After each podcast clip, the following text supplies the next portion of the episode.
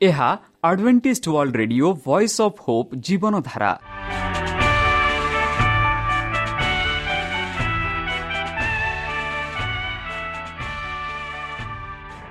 Odia radio କାର୍ଯ୍ୟକ୍ରମ ଯାହା ଆମର ଆନ୍ତର୍ଜାତୀୟ ଆଘାତ କେନ୍ଦ୍ରରୁ ପ୍ରସାରଣ କରାଯାଉଛି ପ୍ରତିଦିନ ରାତି ନଅଟା ତିରିଶ ମିନିଟ୍ରେ। ମୁଁ ସୁବ୍ରତ କୁମାର ପତି ପ୍ରେମର ସହ ଆପଣମାନଙ୍କୁ ଏହି କାର୍ଯ୍ୟକ୍ରମକୁ ସ୍ୱାଗତ କରୁଅଛି। ଚାଲନ୍ତୁ ଆଜିର ତିରିଶ ମିନିଟ୍ର କାର୍ଯ୍ୟକ୍ରମ ବିଷୟରେ ଜାଣିନେବା। ପ୍ରଥମେ ରଖିଛୁ ଆଧ୍ୟାତ୍ମିକ ଭକ୍ତିମୟ ଗୀତ। ଏହାପରେ ଶୁଣିବା ସ୍ୱାସ୍ଥ୍ୟ ବିଷୟରେ ଯାହା ଆମର ଦୈନିକ ଜୀବନରେ ଅତ୍ୟନ୍ତ ଜରୁରୀ। ଆଉ ପରିଶେଷରେ ଶୁଣିବା ପରମେଶ୍ୱରଙ୍କ ଭକ୍ତଙ୍କଠାରୁ ଜୀବନଦାୟକ ଈଶ୍ୱରଙ୍କ ବାକ୍ୟ। ପ୍ରିୟ ଶ୍ରୋତା ତାହେଲେ ଚାଲନ୍ତୁ ଶୁଣିବା ଏକ ଆଧ୍ୟାତ୍ମିକ ଭକ୍ତିମୟ ଗୀତ।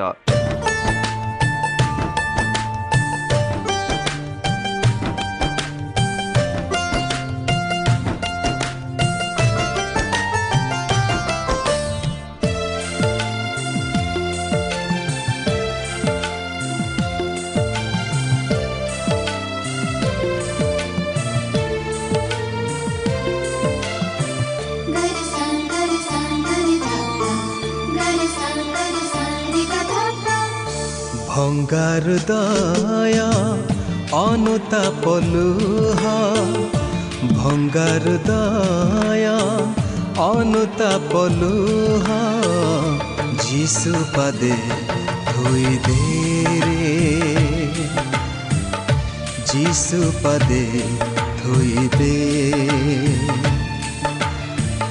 ଯିଶୁ ପାଦେ ଧୋଇ ଦେ ରେ যিসু পদে ধুই দে ভঙ্গা হৃদয় অনুতাপলুহ ভঙ্গা হৃদয় অনুতাপলুহ যিসু পদে ধুই দে যিসু পদে ধুই দে जीसु पदे थोई देरे तू जीसु पदे थोई दे। जीसु पदे थोई दे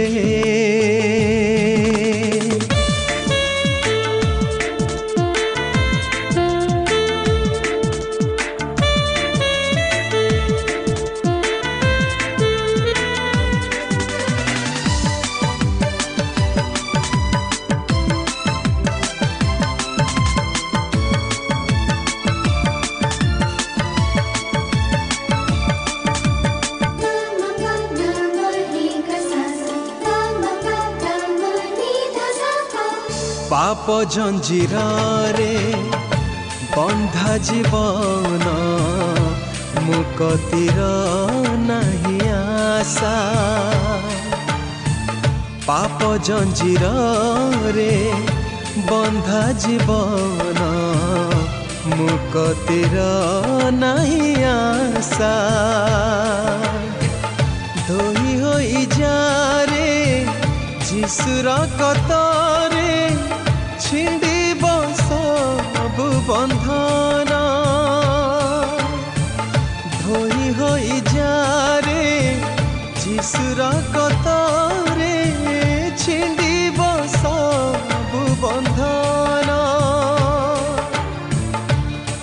ଆଜି ସମୟ ଫେରିଆରେ ମନ ଆଜି ସମୟ ଫେରିଆରେ ମନ ଲଭିବୁ ମହାପରିତ୍ରାଣ ତୁ ଲଭିବୁ ମହାପରିତ୍ରାଣ ଭଙ୍ଗାରୁଦୟ ଅନୁତାପ ଲୁହ ভঙ্গার দয়া অনতাপলুহ যিশু পদে হই দে রে। যিশু পদে হই দে রে। যিশু পদে হই দে রে। तू जीसु पदे धोई दे रे सुपदे थोई देरे।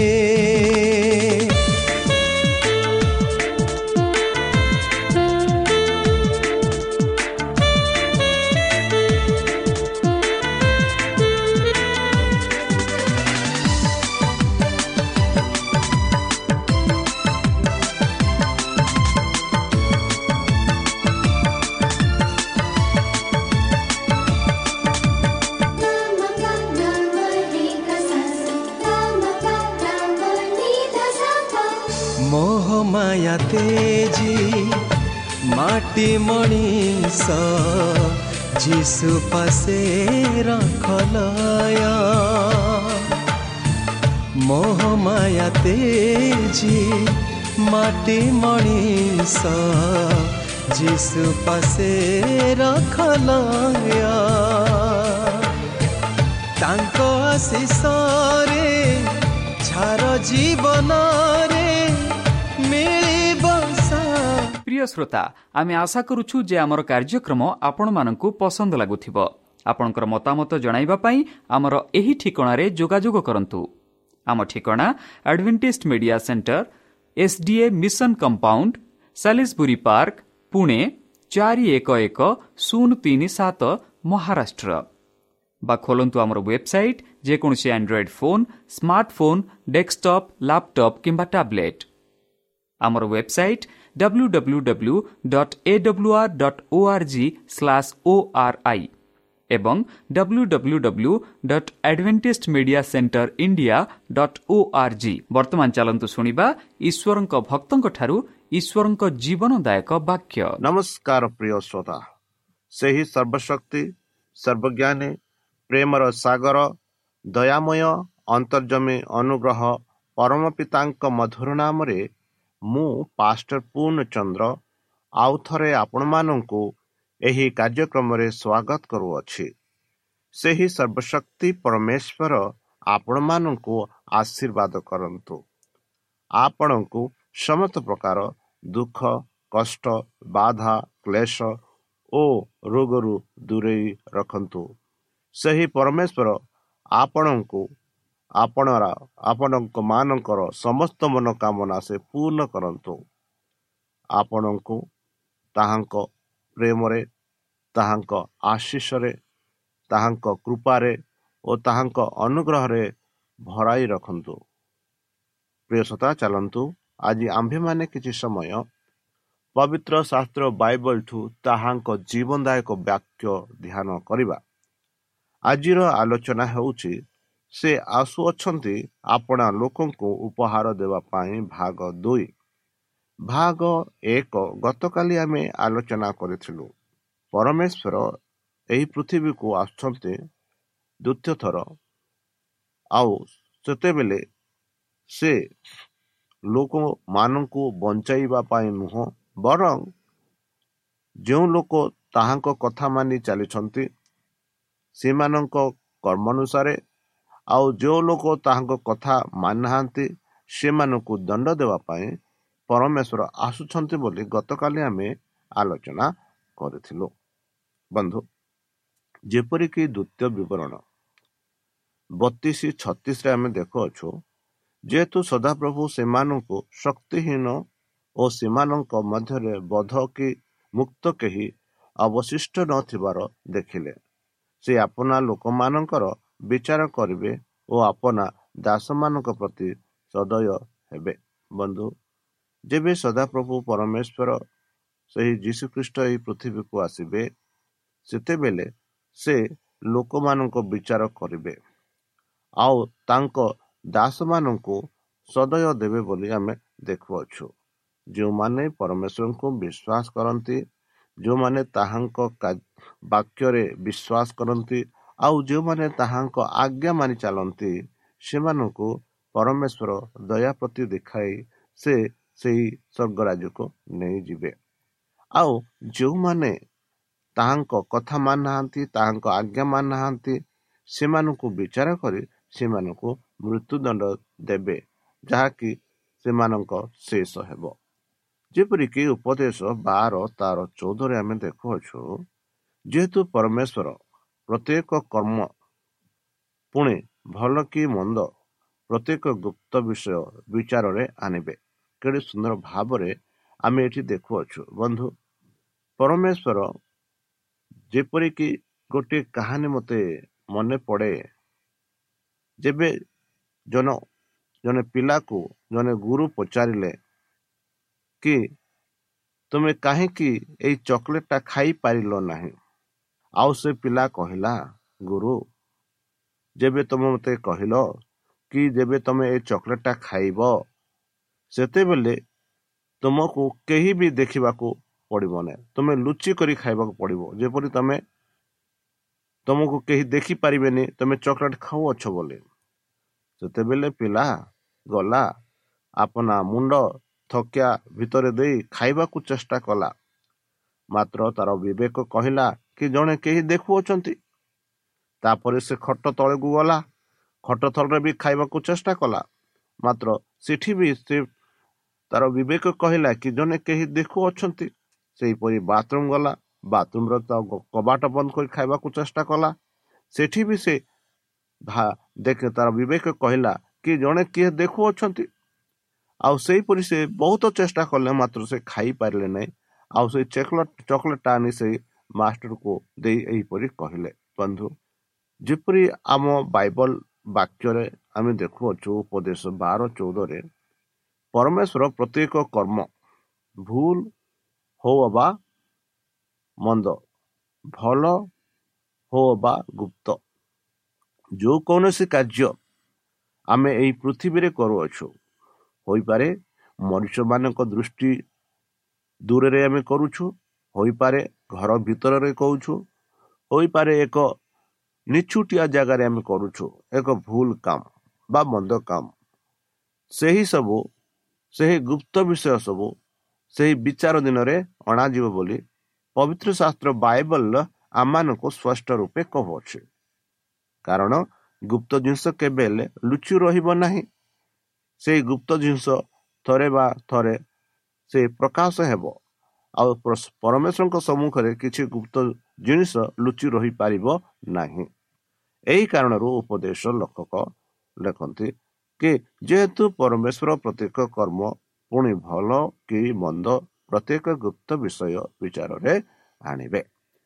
ସେହିପରି ଗୀତ ସଙ୍ଗୀତା ଗୀତ ଲେଖକ ଲେଖନ୍ତି ଗୀତ ସଙ୍ଗୀତା ଛୟାନବେ ତେରରେ ସେ କହନ୍ତି ସଦାପ୍ରଭୁଙ୍କ ସମ୍ମୁଖରେ ଗାନ କରିବେ। କାରଣ ସେ ଆସୁଅଛନ୍ତି। ସେ ପୃଥିବୀର ବିଚାର କରିବାକୁ ଆସୁଅଛନ୍ତି। ସେ ଧର୍ମରେ ଜଗତର ଓ ଆପଣା ସତ୍ୟତାର ଗୋଷ୍ଠୀ ବର୍ଗର ବିଚାର କରିବେ।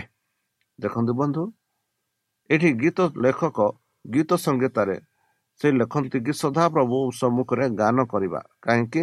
ସେ ଆସୁଅଛନ୍ତି। ସେ ଆସିବେ ଆଉ କ'ଣ କରିବେ? ସେ ଜଗତର ବିଚାର କରିବେ ବୋଲି ଆମେ ଦେଖୁଅଛୁ ବା ପୃଥିବୀର ବିଚାର କରିବାକୁ ଆସୁଅଛନ୍ତି ବୋଲି ସେ କହନ୍ତି। ଆଉ କାହାକୁ ସେ ବିଚାର କରିବ? ସେ ଧର୍ମର ଜଗତର ଓ ଆପଣାର ସତ୍ୟରେ ଗୋଷ୍ଠୀ ବର୍ଗର ବିଚାର କରିବେ। ବନ୍ଧୁ ସେହି ବିଚାର ଦିନରେ କେହି ବି ଲୁଚି ରହିପାରିବେ ନାହିଁ। ଆଉ ସେଇ ବିଚାର ଦିନରେ ସେ କେହି ବି ବାହାନା ଦେଇପାରିବେନି କି ଏହା ମୁଁ ଜାଣିନଥିଲି। ବନ୍ଧୁ ଯେଉଁ ଦଶ ଆଜ୍ଞା ପରମେଶ୍ୱର ମାନଙ୍କୁ ଦେଇଅଛନ୍ତି ସେଇ ଦଶ ଆଜ୍ଞାକୁ ଯଦି ଆମେ ବିଭାଗ କରି ଦେଖିବା ପ୍ରଥମ ଚାରି ଆଜ୍ଞା ଯାହା ଆମେ ଦେଖୁଛୁ ତାହା ଆମେ ପ୍ରଭୁଙ୍କ ପ୍ରେମ ବିଷୟରେ ଦେଖାଉଛୁ। କିପରି ଆମେ ଆମ ପ୍ରେମ ପ୍ରଭୁଙ୍କୁ ଦେଖାଉଅଛୁ? ଆଉ ଥିବା ଛଅ ଆଜ୍ଞା ଆମ ପଡ଼ୋଶୀ ଲୋକମାନଙ୍କୁ କିପରି ଆମ ପ୍ରେମ ଦେଖାଉଛୁ? ସେଇ ଦଶ ଆଜ୍ଞାରେ ସବୁ କିଛି ରହିଅଛି। ସବୁ କିଛି ରହିଛି। ସେଠି ରହିଅଛି ଆମ ଯ ପ୍ରେମ ଆମ ମନୁଷ୍ୟଙ୍କ ଠାରେ ପିତାମାତାଙ୍କ ଠାରେ ଗୋଷ୍ଠୀଙ୍କ ମଧ୍ୟରେ ଆମ ବନ୍ଧୁବାନ୍ଧବଙ୍କ ଠାରେ କିପରି ଆମେ ପ୍ରେମ କରୁ ସବୁ କିଛି ସେଠି ରହିଅଛି ବନ୍ଧୁ। ଆଉ ଏଥି କାରଣରୁ ଗୀତ ଲେଖକ ଲେଖନ୍ତି କି ସଦାପ୍ରଭୁଙ୍କ ସମ୍ମୁଖରେ ଗାନ କରିବେ। କାରଣ ସେ ଆସୁଅଛନ୍ତି ସେ ଆସିବେ। ସେ ପୃଥିବୀର ବିଚାର କରିବାକୁ ଆସୁଅଛନ୍ତି।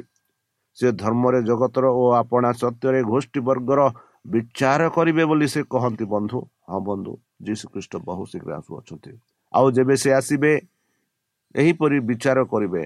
ଆଉ ଯେଉଁମାନେ ସେ ବିଚାରରେ ପରମେଶ୍ୱରଙ୍କ ସମ୍ମୁଖରେ ପାପ ଯାହା କରିଛନ୍ତି ସେଇ ଯେଉଁ ଜୀବନ ପୁସ୍ତକ ସେଇ ଯେଉଁ ସ୍ୱର୍ଣ୍ଣ ପୁସ୍ତକ ଖୋଲା ହେବ। ଆଉ ଯେଉଁମାନଙ୍କ ନାମ ସେହି ମୃତ୍ୟୁ ପୁସ୍ତକରେ ଲେଖା ଅଛି ସେମାନଙ୍କୁ ମୃତ୍ୟୁଦଣ୍ଡ ଦିଆଯିବ। ବନ୍ଧୁ ଦ୍ୱିତୀୟ ତିମତି ତାର ଚାରି ଏକର ଯଦି ଆମେ ଦେଖିବା ସେଠି କହୁଛି ମୁଁ ଈଶ୍ୱରଙ୍କ ସାକ୍ଷାତର ଆଉ ଯେଉଁ ଖ୍ରୀଷ୍ଟ ଯୀଶୁ ଜୀବିତ ଓ ମୃତ୍ୟୁ ଉଭୟଙ୍କର ବିଚାର କରିବାକୁ ଯାଉଛନ୍ତି ତାହାଙ୍କ ସାକ୍ଷାତରେ ପୁଣି ତାହାଙ୍କ ପୁନର୍ଗମନ ଓ ରାଜ୍ୟର ଶପଥ ଦେଇ ତୁମକୁ ଦୃଢ଼ ଆଜ୍ଞା ଦେଇଅଛି। ସାଧୁ ପାଉଲ ତିମତିକୁ ଲେଖୁଛନ୍ତି ବନ୍ଧୁ କି ମୁଁ ଈଶ୍ୱରଙ୍କ ସାକ୍ଷାତରେ ଆଉ ଯେଉଁ ଖ୍ରୀଷ୍ଟ ଯୀଶୁ ଜୀବିତ ଓ ମୃତ୍ୟୁ ଭୟଙ୍କର ଉଭୟଙ୍କର ବିଚାର କରିବାକୁ ଯାଉଛନ୍ତି। ତାହାଙ୍କ ସାକ୍ଷାତରେ ପୁଣି ତାହାଙ୍କ ପୁନର୍ଗମନ ଓ ରାଜ୍ୟର ଶପଥ ଦେଇ ତୁମକୁ ଦୃଢ଼ ଆଜ୍ଞା ଦେଉଅଛି ବୋଲି ସେ କହୁଛନ୍ତି। ଆମ ଯୀଶୁ ଯିଏକି ଜୀବିତ ଥିଲେ ଯିଏକି ମୃତ୍ୟୁ ହେଲେ ଯିଏକି ପୁନରୁତ୍ଥିତ ହୋଇ ବର୍ତ୍ତମାନ ସ୍ୱର୍ଗରେ ଅଛନ୍ତି ଆଉ ସେ ଏହି ଜଗତକୁ ବିଚାର କରିବ। ଆଉ କେମିତି ବିଚାର କରିବେ? ଯେଉଁମାନେ ତାଙ୍କ କଥା କଥା ମାନିଛନ୍ତି କି ନାହିଁ ଯେଉଁମାନେ ତାଙ୍କ ଆଜ୍ଞା ମାନିଛନ୍ତି କି ନାହିଁ ସେଇ ଆଜ୍ଞା ଆଧାରରେ ଯୀଶୁ ପ୍ରଭୁ ସେମାନଙ୍କୁ ବିଚାର କରିବେ ଆଉ ସେ ବିଚାର ଦ୍ୱାରା ଯେଉଁମାନେ ଯେଉଁ ଯୋଗ୍ୟରେ ଅଛନ୍ତି ସେମାନଙ୍କୁ ଦଣ୍ଡ ଦିଆଯିବ। ମାଥ୍ୟୁ ତାର ପଚିଶ ଏକତିରିଶ ଟୁ ବତିଶ ଯଦି ଆମେ ଦେଖିବା ମନୁଷ୍ୟ ପୁତ୍ର ଯେତେବେଳେ ସମସ୍ତ ଦୂତଙ୍କ ସହିତ ସ୍ୱ ମହିମାରେ ଆଗମନ କରିବେ ସେତେବେଳେ ସେ ଆପଣ ଗୌରବମୟ ସିଂହାସନରେ ଉପବେଶନ କରିବେ। ବନ୍ଧୁ ପ୍ରଥମରେ ଯେପରି ଯୀଶୁ ପ୍ରଭୁ ଆସିଥିଲେ ସେତେବେଳେ ଏକ ଗୁଆଲ କଣ୍ଡରେ ସେ ଜନ୍ମ ହୋଇଥିଲେ। ଯେଉଁ ଯେଉଁଥିରେ କି ଯୀଶୁ ପ୍ରଭୁ ଏକ ମହାନ ଘରେ ବା ରାଜକୁମାର ଘରରେ ଜନ୍ମ ହେବା ଥିଲା ମାତ୍ର ସେ ସେହି ସେମିତି ଜନ୍ମ ନ ହେଇ ଏକ ଗୁଆଲ କୁଣ୍ଡରେ ଜନ୍ମ ହୋଇଥିଲା ବନ୍ଧୁ। ମାତ୍ର ବର୍ତ୍ତମାନ ଯେ ଦ୍ୱିତୀୟ ଥର ସେ ଆସୁଛନ୍ତି ସେ ଗୌରବମୟ ସିଂହାସନରେ ଉପବେଶନ କରିବେ। ଆଉ ସେତେବେଳେ ସ୍ୱମହିମାରେ ସେ ଆସିବେ। ଆଉ ମଣିଷ ରୂପେ ଆସିବେ ନାହିଁ। ପ୍ରଭୁଙ୍କ ପ୍ରଭୁ ରାଜାଙ୍କ ରାଜା ରୂପେ ଆସିବେ ବୋଲି ଆମେ ଦେଖୁଅଛୁ। ତାର ବତିଶ ପଦରେ ଆମେ ଦେଖିବା ପୁଣି ତାହାଙ୍କ ଛାମୁରେ ସମସ୍ତ ଜାତି ଏକତ୍ର କରାଯିବେ। ଆଉ ମେଷ ପାଲକ ଯେପରି ଛାଗ ଠାରୁ ମେଷ ପୃଥକ କରେ ସେହିପରି ସେ ସେମାନଙ୍କୁ ପରସ୍ପର ଠାରୁ ପୃଥକ କରିବା। ବନ୍ଧୁ କେଡ଼େ ସୁନ୍ଦର ଭାବରେ ଆମେ ପାଉଅଛୁ ଯେବେ ଯୀଶୁ ପ୍ରଭୁ ଆସିବ। ମେଷ ପାଲକ ଯେପରି ଛାଗ ଠାରୁ ମେଷ ପୃଥକ କରେ ସେହିପରି ପାପୀମାନଙ୍କ ଠାରୁ ଧାର୍ମିକ ମାନଙ୍କୁ ପୃଥକ କରିବେ ବୋଲି ଆମେ ଦେଖୁଅଛୁ। ସେତେବେଳେ ସମସ୍ତ ଲୋକ ଏକତ୍ର ହେବେ ସାରା ପୃଥିବୀ ଲୋକ ସମସ୍ତେ ଏକତ୍ର ହେବ। ଆଉ ସେତେବେଳେ ଯୀଶୁ ପ୍ରଭୁ ମେଷ ପାଲକ ପରି ଯେପରି ସେ କରନ୍ତି ଛାଗଠାରୁ ମେଷ ପୃଥକ କରେ ସେହିପରି ସେ କରନ୍ତି ବୋଲି ଆମମାନେ ମାଥ୍ୟୁ ତାର ପଚିଶ ଏକତିରିଶ ବତିଶରେ ପାଉଅଛୁ। ବନ୍ଧୁ ସେହିପରି ଗୀତ ଲେଖକ ଲେଖନ୍ତି ଗୀତ ସଂଗୀତା ଏଗାର ଅଣତିରିଶରେ ଏଗାର ଅଣତିରିଶ ସଇଁତିରିଶ ଏଗାର ଅଣତିରିଶରେ କହନ୍ତି ମାତ୍ର ନମ୍ର ଲୋକମାନେ ଦେଶ ଅଧିକାର କରିବେ ଓ ଶାନ୍ତିର ବାହୁଲ୍ୟରେ ଆପଣା ଆପଣାକୁ ଆନନ୍ଦିତ କରି ଧାର୍ମିକ ଦେଶାଧିକାର କରିବ ଓ ସଦାକାଳ ତହିଁରେ ବାସ କରିବ। କେଡ଼େ ସୁନ୍ଦର ଭାବରେ ଗୀତ ଲେଖକ କହନ୍ତି କି ଧାର୍ମିକ ଲୋକମାନେ ସେହି ରାଜ୍ୟକୁ ଅଧିକାର କରିବେ। ଆଉ ସେଠି ସେମାନେ ଶାନ୍ତିରେ ବାହୁଲ୍ୟରେ ଆପଣ ଆପଣଙ୍କୁ ଆନନ୍ଦିତ କରିବେ ବୋଲି ଦେଖୁଛୁ। ଆଉ ଧାର୍ମିକ ଦେଶାଧିକାରୀ କରିବେ ବୋଲି ଆମେ ଦେଖାଉଛୁ ଆଉ ସେମାନେ ସଦାକାଳ ବାସ କରିବେ। ବନ୍ଧୁ ଏହିସବୁ ସୁଯୋଗ ଆମମାନଙ୍କୁ ମିଳିଅଛି ତାଙ୍କ ବାକ୍ୟ ଦ୍ୱାରା। ଯଦି ଆମେ ନମ୍ର ହୋଇ ସେ ଯୀଶୁଖ୍ରୀଷ୍ଟଙ୍କ ଠାରେ ବିଶ୍ୱାସ କରିବା ତାଙ୍କ ମୃତ୍ୟୁ ଠାରେ ଆମେ ବିଶ୍ୱାସ କରିବା ତାଙ୍କ ଜୀବନ ଠାରେ ଆମେ ବିଶ୍ୱାସ କରିବା ଯଦି ଆମେ ବିଶ୍ୱାସ କରିବା ସେତେବେଳେ ଆମମାନେ ମଧ୍ୟ ସେହି ଦେଶାଧିକାର ହୋଇପାରିବା। ଦ୍ୱିତୀୟ ପିତର ତିନି ତେରରେ ଆମେ ଦେଖୁଛୁ ଆମ୍ଭେମାନେ ତାହାଙ୍କ ପ୍ରତିଜ୍ଞା ଅନୁସାରେ ଗୋଟିଏ ନୂତନ ଆକାଶ ମଣ୍ଡଳ ଓ ନୂତନ ପୃଥିବୀର ଅପେକ୍ଷାରେ ଅଛୁ ଯାହା ଧାର୍ମିକତାର ଅବାସ୍ଥଳ ହେବ। ବନ୍ଧୁ ଆମମାନେ ସମସ୍ତେ ତାହାଙ୍କ ପ୍ରତିଜ୍ଞା ଅନୁସାରେ ଅପେକ୍ଷା କରିଅଛୁ ବନ୍ଧୁ। ସେ ଅପେକ୍ଷା କାହିଁକି? ଯେପରିକି ଆମେ ସେହି ସ୍ୱର୍ଗରେ ସଦାସର୍ବଦା ବାସ କରିପାରିବା। ବନ୍ଧୁ ଆପଣମାନେ ଚାହୁଁଛନ୍ତି କି ସେହି ସ୍ୱର୍ଗରେ ବାସ କରିବା ପାଇଁ ଆପଣଙ୍କର ଇଚ୍ଛା ହେଉଛି କି ଯୀଶୁ ଖ୍ରୀଷ୍ଟ ତମ ସହ ରହୁ? ଆପଣଙ୍କୁ ଇଚ୍ଛା ହେଉଛି କି କି ପରମ ପିତା ଆପଣଙ୍କ ସହ ରହୁ? ଆପଣଙ୍କ ଇଚ୍ଛା ହେଉଛି କି ସେ ସ୍ୱର୍ଗ ରାଜ୍ୟରେ ସଦ ସଦା କାଳ ପାଇଁ ବାସ କରିବା ପାଇଁ ଇଚ୍ଛା ହେଉଛି? ତାହେଲେ ବର୍ତ୍ତମାନ ସେହି ସମୟ ଆସିଅଛି। ସେହି ସମୟ ଆସିଅଛି। ଆଉ ଏହି ସୁଯୋଗ ଆସିପାରେ ନ ଆସି ନପାରେ ତାହେଲେ ବନ୍ଧୁ ଚାଲନ୍ତୁ। ସେହି ଯୀଶୁଖ୍ରୀଷ୍ଟ ଯିଏକି ଆମମାନଙ୍କ ପାଇଁ ମୃତ୍ୟୁବରଣ କଲେ ସେଇ ଯୀଶୁଖ୍ରୀଷ୍ଟ ଯିଏକି ଆମମାନଙ୍କ ପାଇଁ ଏଇ ଜଗତକୁ ଆସିଲେ ଆଉ ସେଇ ଯୀଶୁଖ୍ରୀଷ୍ଟ ଯିଏକି ଆମମାନଙ୍କ ପାଇଁ ପୁନରୁଦ୍ଧିତ ହୋଇ ସ୍ୱର୍ଗରାଜ ଯାଇଅଛନ୍ତି ଆଉ ସେ ଆଉ ଥରେ ଆସିବେ। ଯେବେ ସେ ଆସିବେ ଆମମାନଙ୍କୁ ଯେବେ ସେ ଦେଖିବେ ଆମମାନଙ୍କୁ ସେଇ ସ୍ୱର୍ଗରାଜକୁ ନେବେ। ଏହା ଆମମାନଙ୍କ ଇଚ୍ଛା। କ'ଣ ଆପଣଙ୍କ ସେହି ଇଚ୍ଛା ଅଛି କି ବନ୍ଧୁ? ତାହେଲେ ଚାଲନ୍ତୁ। ନିଜକୁ ସମର୍ପଣ କରି ତାହାଙ୍କ ମଧୁର ନାମରେ ଆମେ ପ୍ରାର୍ଥନା ଉତ୍ସର୍ଗ କରିବା। ହେ ଆମ୍ଭମାନଙ୍କ ସର୍ବଶକ୍ତି ସର୍ବଜ୍ଞାନୀ ପ୍ରେମର ସାଗର ଦୟାମୟ ଅନ୍ତର୍ଜମୀ ଅନୁଗ୍ରହ ପରମ ପିତା। ଧନ୍ୟବାଦ ଅର୍ପଣ କରୁଛୁ ପ୍ରଭୁ ବର୍ତ୍ତମାନ ଯେଉଁ ବାକ୍ୟ ତୁମ ଭକ୍ତମାନଙ୍କୁ ଶୁଣାଇଲେ ସେହି ବାକ୍ୟ ଅନୁସାରେ ଆମମାନଙ୍କୁ ଚାଲିବା ପାଇଁ ବୁଦ୍ଧିରେ ଜ୍ଞାନରେ ଶକ୍ତିରେ ପରିପୂର୍ଣ୍ଣ କର। ଆମ ପାପ ସବୁ ତୁମ ସେହି ବହୁମୂଲ୍ୟ ରକ୍ତରେ ପରିଷ୍କାର ରୂପେ ଧୋଇଦିଅ। ଆଉ ପରିଶେଷ ଯେବେ ତୁମେ ତୁମ ସେହି ସହସ୍ର ଦୂତଙ୍କ ସହ ଆସିବେ ସେତେବେଳେ ଆମମାନଙ୍କୁ ଏକ ବାସସ୍ଥାନ ଦିଅ ବୋଲି ପ୍ରାଣକର୍ତ୍ତା ପ୍ରଭୁ ଯୀଶୁଙ୍କ ମଧୁମୟ ନାମରେ ଏହି ଛୋଟ ବିକ୍ଷମ ଅଛୁ। ଶୁଣି ଗ୍ରହଣ କର। ଆମେନ୍।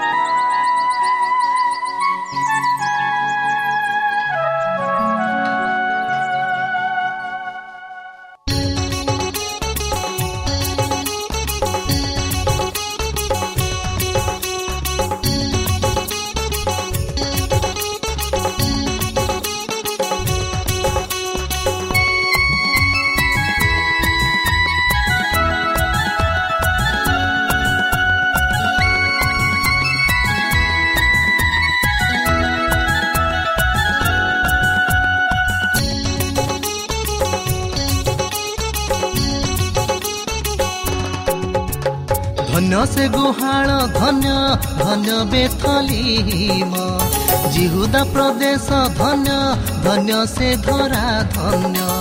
धन्य से गुहाल धन्य धन्य बेथलीमा जिहुदा प्रदेश धन्य धन्य से धरा धन्य। से माटी छुइला जीशुको चरण से चरण छुई हेला भाग्यवान। से माटी छुइला जीशुको चरण से चरण छुई भाग्यवानश्व प्रसिद्ध स्थान Bethlehem Bethlehem Bethlehem Bethlehem धन्य से गुहा धन्य धन्य बेथली हिम जिउता प्रदेश धन्य धन्य से धरा धन्य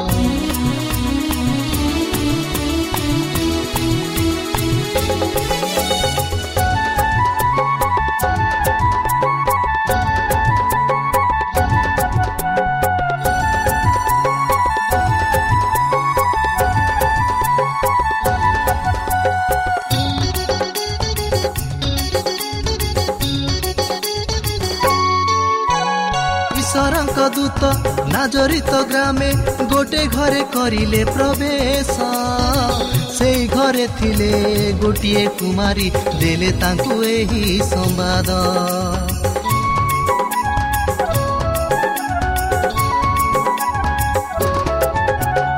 ଏହି ଜଗତରେ ନାରୀଙ୍କ ମଧ୍ୟରେ ତୁମେ ପାଇଅଛ ଅନୁଗ୍ରହ। ତୁମରି ଗର୍ଭରୁ ଜନମିଲେ ଯିଏ ସେ ହେଲେ ଈଶ୍ୱର ପୁତ୍ର ଓ ସେ ହେଲେ ଈଶ୍ୱର ପୁତ୍ର ଧନ୍ୟ ମାତା ମରିୟମ ଧନ୍ୟ ତାଙ୍କ ଜୀବନ। ଯୀଶୁଙ୍କର ମାତା ବୋଲି ଖ୍ୟାତ ଆଜି ସେ ନାମ। ତାଙ୍କରି ଗର୍ଭରୁ ଯୀଶୁଙ୍କ ଜନ୍ମ ସେଥିପାଇଁ ଆଜି ଜଗତରେ ଧନ୍ୟ। ତାଙ୍କରି ଗର୍ଭରୁ ଯୀଶୁଙ୍କ ଜନ୍ମ ସେଥିପାଇଁ ଆଜି ଜଗତରେ ଧନ୍ୟ। ବିଶ୍ୱ ପ୍ରସିଦ୍ଧ ହେଲା ସେ ସ୍ଥାନ ବେଥଲିମ ବେଥଲିମ ବେଥଲିମ ବେଥଲିମ ଧନ୍ୟ ସେ ଗୁହାଳ ଧନ୍ୟ ଧନ୍ୟ ବେଥଲିମ जिहुदा प्रदेश धन्य धन्य से धरा धन्य।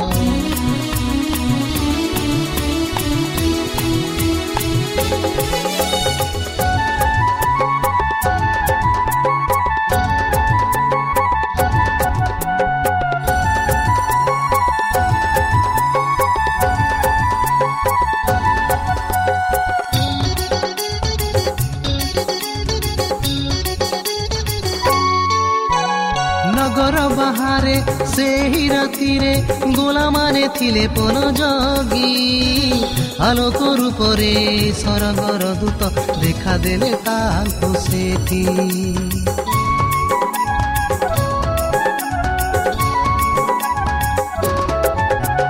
ଗୋଲାମାନ ପାଇଁ ସରଗର ଦୂତ ଆଣିଥିଲେ ଏହି ବାରତା। ଦାଉଦ ନଗରେ ଆଜି ତୁମ ପାଇଁ ଜନମିରେ ତ୍ରାଣ କରତା ଓ ଜନମିରେ ତ୍ରାଣ କରତା ଧନ୍ୟ ସେଇ ଗୋଲା ଗଣ ଧନ୍ୟ ତାଙ୍କ ଜୀବନ। ତ୍ରାଣ କରତା ଯୀଶୁଙ୍କୁ କରିଥିଲେ ଦର୍ଶନ। ପ୍ରିୟ ଶ୍ରୋତା ଆମେ ଆଶା କରୁଛୁ ଯେ ଆମର କାର୍ଯ୍ୟକ୍ରମ ଆପଣମାନଙ୍କୁ ପସନ୍ଦ ଲାଗୁଥିବ। ଆପଣଙ୍କର ମତାମତ ଜଣାଇବା ପାଇଁ ଆମର ଏହି ଠିକଣାରେ ଯୋଗାଯୋଗ କରନ୍ତୁ ଆମ ଠିକଣା Adventist media centre SDA mission compound Salisbury park Pune ଚାରି ଏକ ଏକ ଶୂନ ତିନି ସାତ ମହାରାଷ୍ଟ୍ର ବା ଖୋଲନ୍ତୁ ଆମର ୱେବସାଇଟ୍ ଯେକୌଣସି Android phone smartphone desktop laptop କିମ୍ବା ଟ୍ୟାବ୍ଲେଟ୍ ଆମର website W W W dot A W R dot O R G slash O R I ଏବଂ W W W dot Adventist media centre India dot O R G Adventist media centre ଇଣ୍ଡିଆର spelling ହେଉଛି A D V N T I S T M E D I A C N T R E I N D I A ଅଥବା download କରନ୍ତୁ ଆମର mobile app ଆପଣଙ୍କର mobile play ଷ୍ଟୋରକୁ ଯାଆନ୍ତୁ ଆଉ type କରନ୍ତୁ ଦ ଭଏସ୍ ଅଫ୍ ପୋପ୍ ଆଉ download କରନ୍ତୁ ଈଶ୍ୱର ଆପଣଙ୍କୁ ଆଶୀର୍ବାଦ କରନ୍ତୁ। ଧନ୍ୟବାଦ।